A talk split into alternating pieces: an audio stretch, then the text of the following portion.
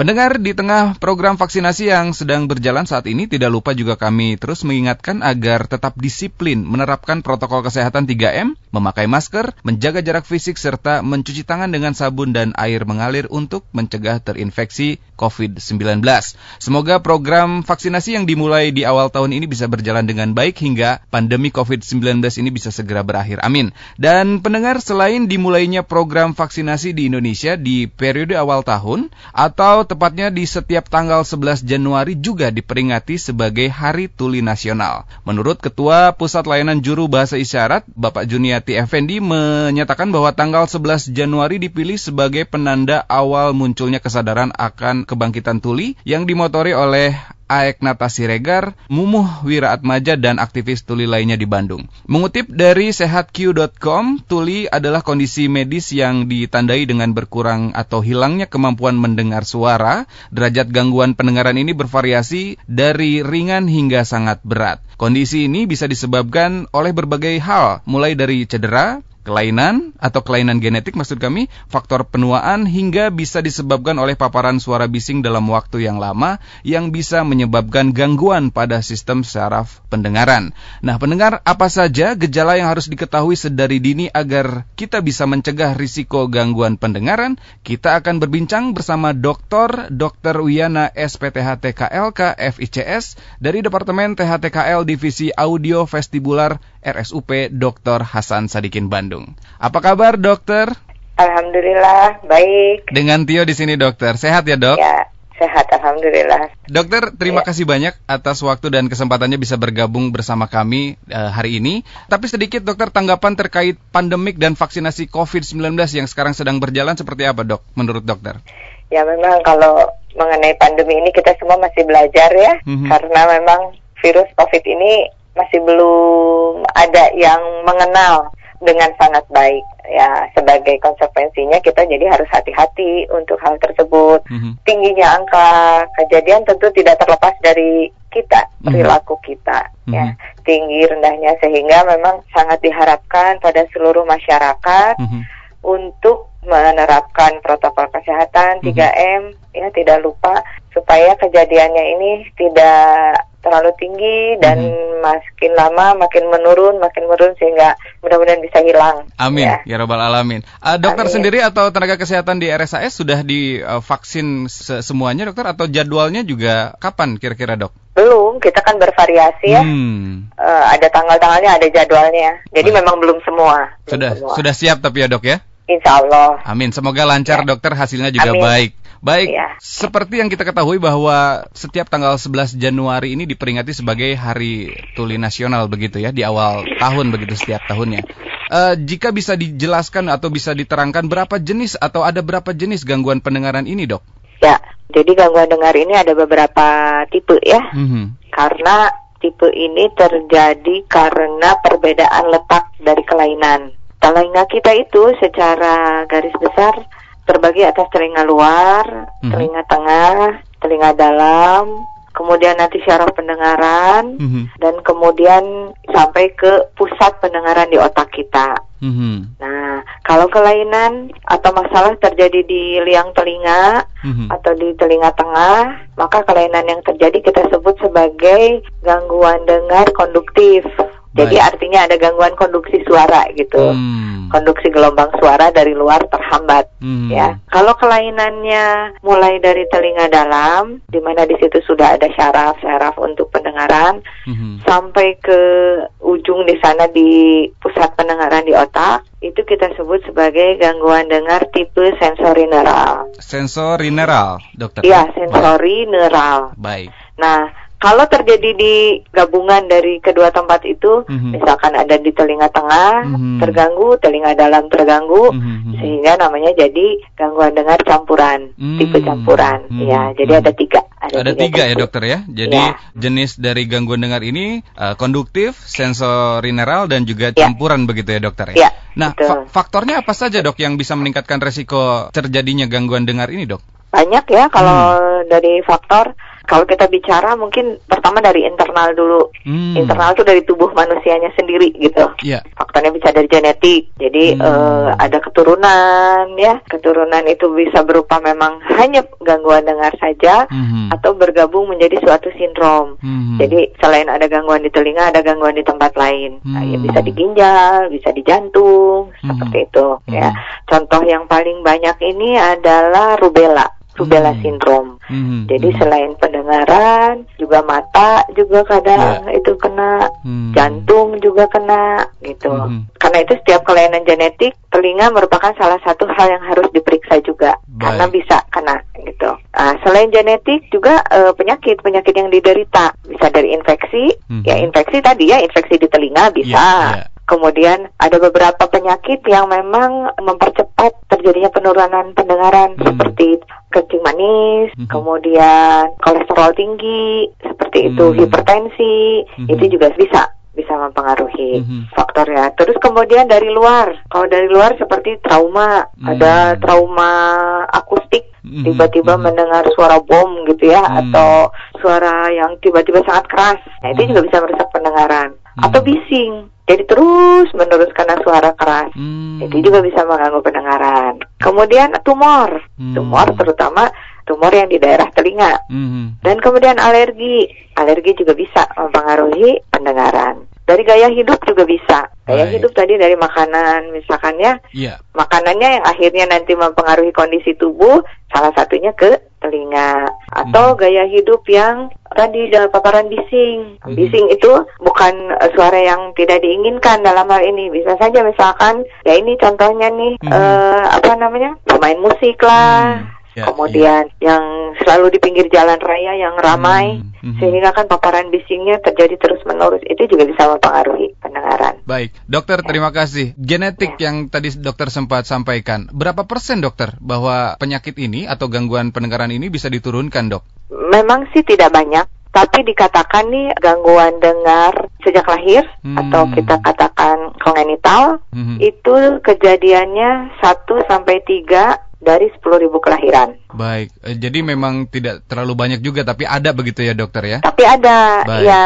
ya. Nah, itu itu yang berat. Hmm. Kalau yang ringan itu bisa sampai 6. Baik, nah, sebelum lebih lanjut dokter, tadi juga bising ya faktor ya. yang memang bisa menjadi penyebab begitu untuk gangguan pendengaran. Apakah memang ada limitnya dokter atau ada batasannya berapa desibel begitu yang bisa aman begitu diterima oleh telinga kita dok? Ya, jadi ada sebuah konsensus mm-hmm. baik nasional maupun internasional bahwa bising yang dikatakan aman yeah. itu adalah 85 desibel mm-hmm. selama 8 jam per hari. Baik, 85 desibel selama 8 jam per hari begitu ya, Dok? Ya, kalau misalkan bisingnya lebih kencang dari mm-hmm. itu, mm-hmm. waktunya harus diperpendek. Baik. Tapi kalau bunyinya lebih halus, lebih pelan, mm-hmm. waktunya bisa diperpanjang. Tapi tadi patokannya itu. Baik. Dokter kalau bisa digambarkan 85 desibel ini seperti ada di atau sedang mendengarkan apa begitu dok? Atau ada di suasana apa dok? Uh, suasana jalan raya. Jalan raya ya? Iya, kalau kita di pinggir jalan, mm-hmm. di mana ya? Kalau di Bandung ini, mm-hmm. mungkin di alun-alun kali ya?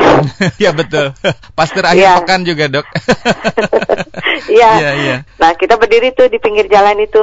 Hmm, itu se sebesar itulah kurang lebih 85 desibel. Menarik pendengar, Anda bisa berinteraksi bersama kami dan juga Dokter Wiana. Silahkan bisa menghubungi line SMS dan juga WhatsApp. Sekali lagi kami ingatkan nomornya di 0811 2102 948 atau juga bisa mention kami melalui akun media sosial Twitter. Baik, Dokter, tadi gaya hidup ya. juga ya atau Dokter ya. juga sempat menyampaikan makanan, Dok. Ini makanan seperti apa begitu yang yang memang menjadi faktor risiko terbesar untuk gangguan pendengaran, Dok? Makanan dalam hal ini yang paling uh, berpengaruh adalah yang berkaitan dengan ini lemak. Dengan lemak. Kolesterol. Kolesterol, baik. Karena itu nanti meningkatkan apa kalau kita bilang aterosklerosis ya, hmm. seperti penyumbatan, hmm. penyumbatan pembuluh darah. Nah, hmm. kalau pembuluh darah yang ke telinga itu yang tersumbat, hmm. maka otomatis fungsi telinga akan terganggu. Baik. Jika memang ada kelainan istilahnya bawaan lahir begitu dokter, apakah juga itu termasuk kondisi yang memang bisa disembuhkan begitu dokter atau seperti apa dok? Nah, uh, begini. Mm -hmm. Jadi tadi ya kan ada tiga tipe tadi ya. Iya, iya, iya. Uh, gangguan dengar itu. Kalau tipenya konduktif, mm -hmm. itu bisa diperbaiki. Mm -hmm. Artinya bisa diobati mm -hmm. uh, atau dioperasi mm -hmm. gitu. Mm -hmm. Nah, tapi kalau sudah mengenai ke syaraf yang tipe sensori neural -hmm. tadi, mm -hmm. itu sulit untuk saat ini ya, hmm. untuk perkembangan ilmu saat ini masih belum bisa hmm. gitu. Jadi yang kita upayakan adalah bagaimana supaya tidak bertambah buruk atau hmm. kita menggunakan alat bantu dengar. Baik, gitu. baik. Proses penuaan bagaimana, Dok? Itu proses penuaan itu termasuk yang tipe sensori neural. Hmm. Ya, jadi karena kan ada penurunan fungsi, hmm. salah satunya adalah fungsi syaraf, hmm. syaraf yang berada dalam jalur pendengaran hmm. gitu. Hmm. Baik, terima kasih dokter ya. penjelasannya. Kita lanjut sekarang dengan ya. gejala, dokter dokter. Jadi Boleh. memang banyak orang yang bukan belum paham, mungkin karena terbiasa ya. begitu ya dokter ya. Jadi ya. gejala Betul. seperti apa yang seharusnya mungkin kita sudah mulai aware nih, sudah mulai kita sadari bahwa oke okay, ini bisa mengganggu pendengaran nih dok. Seperti apa dok gejala-gejala awalnya dok? Ya, jadi gejala awalnya biasanya gini, orang tuh merasa telinga seperti tertutup. Hmm. Terutama kalau masalahnya berbeda antara kiri dan kanan. Nah, hmm. Nah, akan tidak terasa kalau masalah terjadi sama-sama di kedua telinga gitu. Oke, okay. oh baik. Karena kan baik. merasa orangnya, yeah, yeah, enggak yeah. kok ini sama saja gitu, uh, kiri dan yeah, kanan yeah, gitu ya. Yeah, betul. Nah itu akan lebih terasa kalau hanya sebelah yang kena. Jadi ada rasa tertutup, hmm. terus kemudian ada suka berdenging, hmm. ya uh, berdenging atau berdengung. Ya, hmm. Ya, jadi ada suara lain di telinga terdengar suara tanpa adanya sumber suara gitu. Hmm. Sumber suara maksudnya kalau ada suara musik, kalau ada hmm. apa kan kita itu jelas ya memang ada suara. Yeah tapi yeah. tidak ini tidak ada sumber suara, mm-hmm. tapi di telinga terdengar ada berdenging atau berdengung. Mm. Nah, itu kalau untuk yang penderitanya. Mm-hmm. Sebetulnya mungkin keluarga atau teman mm-hmm. itu juga bisa membantu. Contohnya misalkan kalau orang yang memiliki masalah pendengaran itu sering mengulang pertanyaan. Misalkan yeah, lagi yeah. Lagi komunikasi, yeah, yeah. dia sering apa? Yeah. Iya. E, gimana? gitu ya. Yeah, Padahal rasanya kita sudah jelas gitu. baik, baik, baik. Atau salah e, menjalani instruksi, mm -hmm. atau salah menjawab. Jadi mm. ditanya A, jawabnya B hmm, gitu karena hmm. salah dengar. Hmm, baik, iya, iya, nah, itu iya. seperti itu. Okay. Atau hal lain, misalkan kalau dia sedang memasang seperti televisi, hmm, hmm, hmm, hmm. dia pasang di volume keras. Hmm. Sementara menurut orang lain sudah keras, hmm. menurut dia sih ya cukup-cukup aja. Nah itu ya, harus curiga. Ya, betul, betul, ya. Kalau pada anak-anak, nah ini pada anak-anak terutama misalkan kalau yang dari sejak lahir, ya. ini sering kali masih belum aware ya hmm. orang tua itu biasanya bicaranya terlambat itu. Hmm, baik, bicara terlambat bisa jadi salah satu gejala salah begitu satu ya. Tanda. Salah ya. satu tanda. Baik, dokter, Betul. terima kasih. Nah, dokter sempat sampaikan tiba-tiba telinga mendengung atau mendenging begitu ya, Dok ya? Iya. Itu dalam frekuensi yang sering atau bagaimana, Dok? Karena mitosnya katanya kalau ada yang berdengung, oh ini ada yang lagi ngomongin nih. Yang bicara. ya.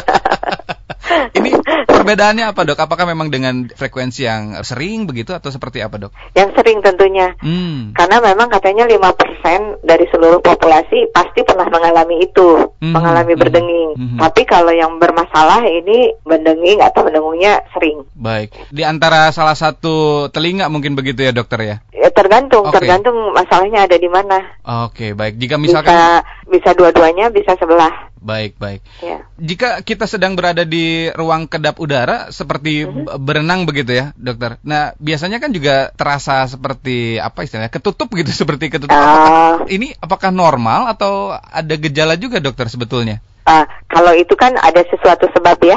Biasanya kalau berenang nih, mm-hmm. karena ada air masuk. Hmm. Uh, tentu kalau ada air masuk kan seharusnya liang telinga itu tidak ada apa-apa. Hmm. Ini ada air, jadi hmm. pasti konduksi suara akan terhambat. Hmm. Jadi itu normal. Normal ya dok ya? Iya, begitu airnya hmm. dikeringkan, hmm. suaranya normal lagi. Baik, begitu pula ketika ya. di perjalanan misalkan uh, di pesawat begitu kan sering kali ya. telinga juga, itu normal juga ya dok ya? Uh, normal itu biasanya karena perbedaan tekanan. Baik. Tapi sebetulnya tubuh punya kompensasi untuk menghentikan itu kan seperti bisa dengan menelan hmm. Hmm. atau menguap, iya, itu iya, akan betul. hilang. Itu akan normal kembali ketika sudah menelan dan menguap masih ya. juga belum hilang, itu bisa jadi tanda begitu ya dok? Iya, itu berarti tanda. Baik, terima kasih dokter. Ada yang masuk dokter ke WhatsApp kami. silakan. Tidak disebutkan namanya dokter, tapi beliau bertanya begini, saya sering kali menggunakan headset dengan volume 70%. Makin lama ya. makin terasa kecil. Apakah ini juga memang tanda begitu dokter bahwa pendengaran saya sudah mulai terganggu? Ya, jadi tadi seperti yang saya sampaikan ya, mm-hmm. kan tadi 85 desibel selama 8 jam dalam satu hari. Nah, mm-hmm. kalau untuk penggunaan alat apa ya musik player atau yeah. apa pun itulah ya, yeah. itu ada rumusnya 60-60. Oke, okay, 60-60 ya dok? 60 persen hmm. dari maksimal selama 60 menit. Hmm. Gitu. Nah, kalau mau lebih dari 60 persen, hmm. harus kurang dari 60 menit. Baik. Gitu. Hmm. Dalam satu hari ya. Kalau mau lebih keras lagi, mm-hmm. ya berarti harus lebih singkat lagi waktu mm. waktu yang diperbolehkan untuk menjaga kesehatan pendengaran kita. Baik, rumusnya berarti volume 60% begitu ya untuk ya. durasi 60 menit atau satu jam begitu ya dokter ya? Iya. Per hari ya? ya? Per hari. Baik. Nah, sebetulnya begini ya di smartphone itu ya, ya. kita bisa unduh aplikasi untuk sound level meter. Sound level Kita bisa meter. ukur Baik. desibel dari suara yang kita dengar. Tadi kan kita sudah dapat ya 85 desibel yeah, yeah. selama 8 jam. Setiap kenaikan 3 desibel, mm -hmm. waktunya turun menjadi setengahnya. Mm. Jadi contoh tadi 85. Yeah. Ditambah 3 itu kan jadi 88 ya. Mm -hmm. Jadi kalau 88 desibel yang diperbolehkan adalah 4 jam. Setengahnya dari 8 jam ya, Dok? Iya. Mm -hmm. Nambah lagi 3 jadi setengah lagi. Hmm, baik. Begitu. Ini memang berlaku per 24 jam begitu dokter atau memang iya. ada oke. Okay. Per 24 jam. Jadi tidak ada rumus lain misalkan 60% untuk uh, satu jam kemudian istirahat terlebih dahulu kemudian uh, bisa dilakukan lagi ini tidak berlaku berarti ya, Dok ya? Iya, istirahatnya masalahnya 16 jam. Oke. Okay, Jadi kan oh, besoknya. Iya, iya, iya. Harusnya besoknya ya, Dok ya. iya.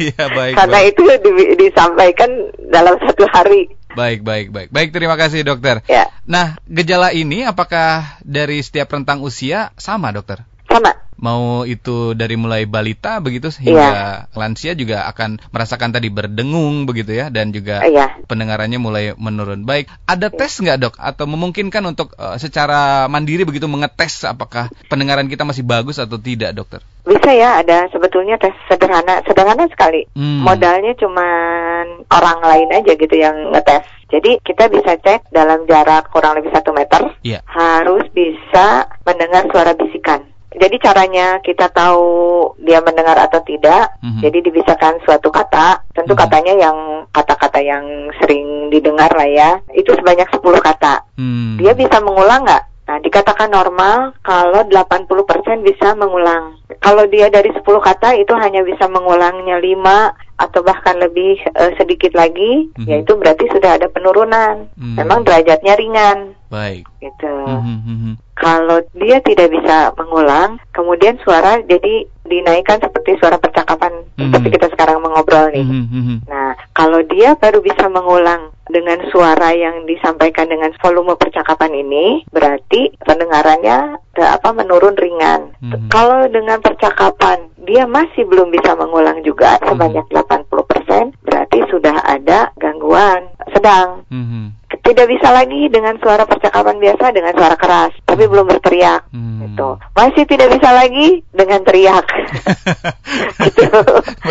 Karena kalau yang berat ya. uh, dengan teriak juga dia tidak bisa mengulang. Hmm, baik. Tidak mendengar. Baik. Untuk balita pun sama tesnya, dokter. Nah, kalau balita tentu harus yang sudah bisa berkomunikasi. Hmm. Mungkin kalau lima tahun, enam tahun ke atas kita bisa tes dengan yeah. cara kasar seperti tadi ya. Mm-hmm. Tapi kalau di bawah itu kan masih belum ya komunikasinya yeah. belum jalan. Tapi sebetulnya untuk bayi pun kita bisa memperkirakan mm-hmm. dengan melihat perkembangan. Jadi kalau bayi normal di bawah satu bulan pun kita bisa uh, melihat responnya. Hmm. Contoh, misalkan dia sedang uh, menyusui, ya yang paling mudah itu pada saat dia menyusui. Hmm. Kan pada saat dia menyusui itu uh, mulutnya ini ya yeah. Iya. uh, nyedot gitu ya susu yeah. ke botol susu yeah. atau ke ibunya. Hmm. Nah, hmm. ketika ada suara keras, biasanya dia akan refleks. Hmm. Refleks bisa berhenti sebentar, hmm. yang sedang mengisap gitu berhenti dulu atau semakin cepat. Hmm. Nah, jadi ada perubahan pokoknya hmm, gitu. Hmm, yeah. Bisa makin cepat, bisa makin uh, lambat. Atau misalkan kalau tidak sedang menyusul lagi tiduran begitu, ada suara keras dia sedikit uh, ini apa berkedip matanya. Hmm. Itu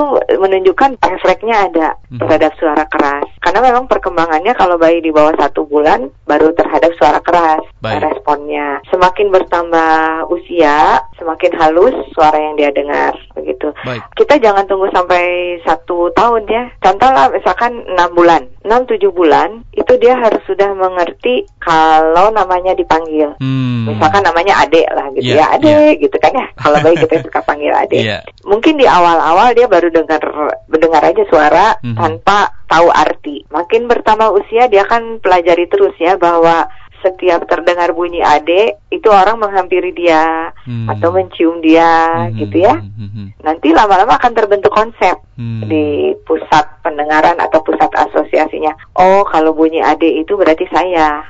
Nah, itu terbentuk di sekitar 6-7 bulan. Hmm. Jadi kalau dipanggil namanya, dia harus menoleh ke arah sumber suaranya. Suara. Hmm. Jadi kalau yang manggilnya di kanan, dia harus nengoknya ke kanan. Kalau dia baru menengok saja, hmm. tidak jelas arahnya, itu bisa kita umpamakan dia mendengar suara, tapi belum paham artinya. Karena mendengar itu bedakan antara mendengar dengan mengerti apa yang didengar. Mm -hmm, yeah. Itu.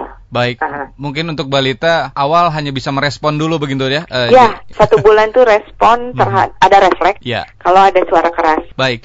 Ada ya. Bapak Haris di Sukarasa, dokter. Ya. Bagaimana cara pembersihan kotoran telinga yang baik dan benar begitu dan kapan waktu yang tepat, dokter? Ya. Jadi secara alami kotoran telinga itu akan keluar sendiri. Ya jadi uh, memang maha maha besar ya mm-hmm. sang pencipta ini mm-hmm. memang diciptakan kotoran itu ada kelenjar yang menghasilkan kotoran mm-hmm. fungsinya adalah untuk proteksi ya, jadi artinya mm-hmm. kalau ada debu atau apa gitu yang kecil atau ada serangga itu dia tidak makin masuk ke dalam tertahan uh, ya eh, dokter ya apa biar nempel mm-hmm. gitu di kotoran itu selain ada kotoran di telinga juga ada rambut mm-hmm. nah begitu kalau kotorannya sudah mencapai jumlah yang agak banyak lah begitu nanti kotoran itu akan dikeluarkan oleh rambut hmm. yang ada di telinga dan gerakan otot terutama pada saat kita mengunyah ya. Hmm. Kan kalau pada saat mengunyah itu ada otot tuh yang bergerak. Hmm. Itu tuh sebetulnya ke arah telinga juga nyambung. Jadi gerakan itu membantu mengeluarkan kotoran juga. Nah, jadi secara alami memang dihasilkan, yeah. tapi kemudian juga dikeluarkan secara alami. Baik. Jadi ketika nah, jadi sebetulnya tidak perlu dibersihkan. Tidak perlu dibersihkan ya, Dok ya? Ya. Akan keluar dengan sendirinya begitu, Dok? Iya, secara alami. Memang ada sebagian kecil, sebagian kecil yang karena misalkan ada masalah rambutnya tipis begitu ya, mm -hmm. atau jenis kotorannya apakah si komponen cairannya sangat kurang atau bagaimana sehingga mm -hmm. sulit untuk keluar sendiri. Nah, pada orang-orang tersebut memang perlu bantuan. Tuh. Baik, caranya bagaimana dokter? Jika caranya memang, memang tidak mhm. bisa sendiri. Karena pertama kita tidak bisa melihat liang telinga kita ya. -hmm, Mas iya. bisa ngelihat nggak liang telinganya? Agak susah dokter. iya. jadi jadi caranya memang selain uh, di, dibantu oleh orang lain begitu ya? Apakah dengan penggunaan cotton bud itu juga? Oh tidak. Oh tidak ya udah. Nah bagaimana Jangan. dok mungkin dok? Jangan ya dok. ya? kalau pakai cotton bud malah kotoran telinganya itu terdorong makin masuk ke dalam. Di dalam itu jadi gini di liang telinga itu rambut itu hanya di sepertiga luar hmm, hmm, hmm, dan liang telinga itu berbelok. Jadi kalau makin ke dalam, yeah. rambut sudah tidak ada kemudian hmm. apa kan itunya juga belok hmm. jadi ya ya sudah dia tidak akan bisa keluar hmm. pasti akan menetap di situ terus kemudian bulan berikutnya didorong lagi sama cotton hmm. didorong lagi makin lama makin numpuk Berarti penggunaan iya. cotton bud sebetulnya uh, tidak disarankan ya dok ya? Tidak. Baik, pendengar itu dia. Jadi Bapak Haris di Sukarasa kotoran iya. telinganya iya. bisa keluar dengan alamiah sendirinya begitu Betul. ya dok ya? Kapan keluarnya uh, menyesuaikan ya dok ya? Iya, menyesuaikan tubuh sendiri. menyesuaikan yang ya, dok, ya? menilai. Ya? Baik, uh, kita lanjut dokter. Ada Bapak Aldi di Antapani. Dokter, apakah iya. ada hubungannya gangguan telinga dengan gejala COVID dok? Oh, belum bisa dibuktikan. Mm-hmm. Memang katanya ada uh, yang mengalami uh, penurunan pendengaran mm-hmm. dan itu kenanya ke syaraf. Mm-hmm. Seperti halnya virus, infeksi yeah. virus itu memang biasanya seringnya ke syaraf. Ke syaraf ya, syaraf pendengaran. Mm-hmm. Tapi masih belum jelas juga apakah itu karena COVID mm-hmm. atau memang kebetulan terjadi bersamaan dengan itu. Tapi kalau ditanya ada ada, tapi hmm. kejadiannya juga sangat sedikit sedikit sekali. Mm -hmm dan juga belum bisa dibuktikan apakah itu memang karena virusnya atau memang kebetulan saja gitu. Baik, kebetulan berbarengan ya. dengan ya. pendengarannya ya. juga terganggu begitu ya dokter ya. ya. Baik, begitu Bapak Aldi. Jadi ada kasusnya tapi memang belum bisa dibuktikan begitu ya dokter ya hubungannya ya. antara gangguan telinga dengan COVID. Baik, ada Ibu Lia di Sindang Laya. Apa benar kalau vaksin meningitis ini bisa menjadi salah satu pencegahan gangguan pendengaran dokter? Uh, sebetulnya begini kalau meningitis, mm -hmm. salah satu gejala meningitis adalah penurunan pendengaran. Mm. Jadi dengan pencegahan meningitis, yeah. ya iya. maka tidak terjadi pendengaran baik. begitu. Okay, Jadi baik. itu efek tidak langsung ya. Mm. Jadi bukan hmm. langsung mencegah uh, gangguan pendengaran. pendengarannya. Hmm, baik. Jadi penyakit meningitis ini bisa menurunkan pendengaran begitu ya atau mengganggu yeah. Pendengaran. Tetapi ketika mencegah meningitis agar tidak terjadi gangguan pendengaran begitu ya dokter ya. Iya, iya. Jadi gangguan pendengarannya itu terjadi karena meningitisnya. Hmm. Jadi otomatis kalau meningitis tidak terjadi, ya tentu gangguan dengar juga tidak terjadi. Baik dokter, singkat saja dokter, apakah ada pencegahan yang efektif untuk meminimalisir gangguan pendengaran ini baik untuk yang dewasa maupun yang balita dokter? Ya, artinya gini, kalau untuk balita atau bayi, ini memang pencegahannya dimulai sejak masa kehamilan ya. Hmm. Jadi artinya ya. kita harus menjaga kehamilan itu dengan baik. Hmm. Karena pembentukan telinga itu terjadi pada minggu atau pada trimester pertama. Hmm. Hmm. Jadi minggu ke-12 selesainya itu. Hmm. Jadi kalau ada masalah dari minggu pertama sampai minggu ke-12, ya. itu takutnya mempengaruhi perkembangan telinga, begitu. Hmm. Hmm. Ya, uh, itu untuk bayi. Kemudian kalau untuk dewasa, misalkan remaja, nah terutama masa pandemi sekarang ini, ya. kita kan banyak kegiatan uh, ini ya WFH online. Betul. Nah, salah satu risiko dari kegiatan ini adalah penggunaan earphone hmm. atau headphone dengan hmm. volume yang kurang terkontrol. Hmm. Nah, resikonya ya tadi kependengaran. Jadi mohon kepada semuanya untuk menjaga kesehatan pendengaran kita hmm. dengan mengatur volume hmm. volume earphone atau headphone kita. Kalau kita sudah mendengar suara yang sangat keras atau trauma akustik, istirahatkanlah telinga selama minimal 16 jam. Jadi gangguan pendengaran karena bising itu tidak langsung terjadi. Hmm. Dia bertahap. Ada gangguan dulu sementara. Hmm. Kalau terus menerus, iya. lama-lama dia akan menjadi menetap permanen. Nah, hmm. jadi untuk mencegah sampai permanen itu kita setiap terpapar suara keras atau trauma akustik kita harus istirahatkan telinga kita. Baik. Itu. Baik dokter, terima kasih. Terakhir dokter closing statement ya. atau sebagai penutup apa yang bisa disampaikan mengenai gangguan dengar secara dini ini dokter? Ya, jadi memang gangguan pendengaran itu saat ini masih banyak orang yang belum aware karena sering kali secara fisik fisiknya sehat hmm. sehingga kalau ada masalah di pendengaran sering orang denial ya. Tapi saya sangat menyarankan kalau mulai terasa tidak nyaman di telinga segera diperiksakan dan jangan melakukan korek-korek telinga karena itu bisa menjadi risiko terjadinya infeksi, trauma, dan pada akhirnya bisa mempengaruhi pendengaran kita. Kemudian jaga juga paparan bising. Jadi kita harus mengatur volume dari suara yang kita dengar, terutama pada penggunaan alat bantu untuk mendengar, mm -hmm. seperti headphone atau earphone. Mm -hmm. Kemudian tentu saja pola hidup sehat, makanan yang sehat tentu, dan uh, olahraga itu mungkin ya. Baik, terima kasih banyak ya. dokter untuk waktu dan kesempatannya bisa bergabung bersama kami hari ini dokter. Alhamdulillah, terima kasih Mas Tio atas kesempatannya dan waktunya juga. Sama-sama dokter, semoga di lain waktu kita bisa berbincang kembali ya dokter ya. Iya. Sehat ya. selalu dokter dan selamat Amin. beraktivitas. Demikian ya. pendengar bersama Dr. Dr. Wiana SPTHTKLK FICS dari Departemen THTKL Divisi Audio Vestibular RSUP Dr. Hasan Sadikin Bandung membahas mengenai mengenal gangguan dengar secara dini.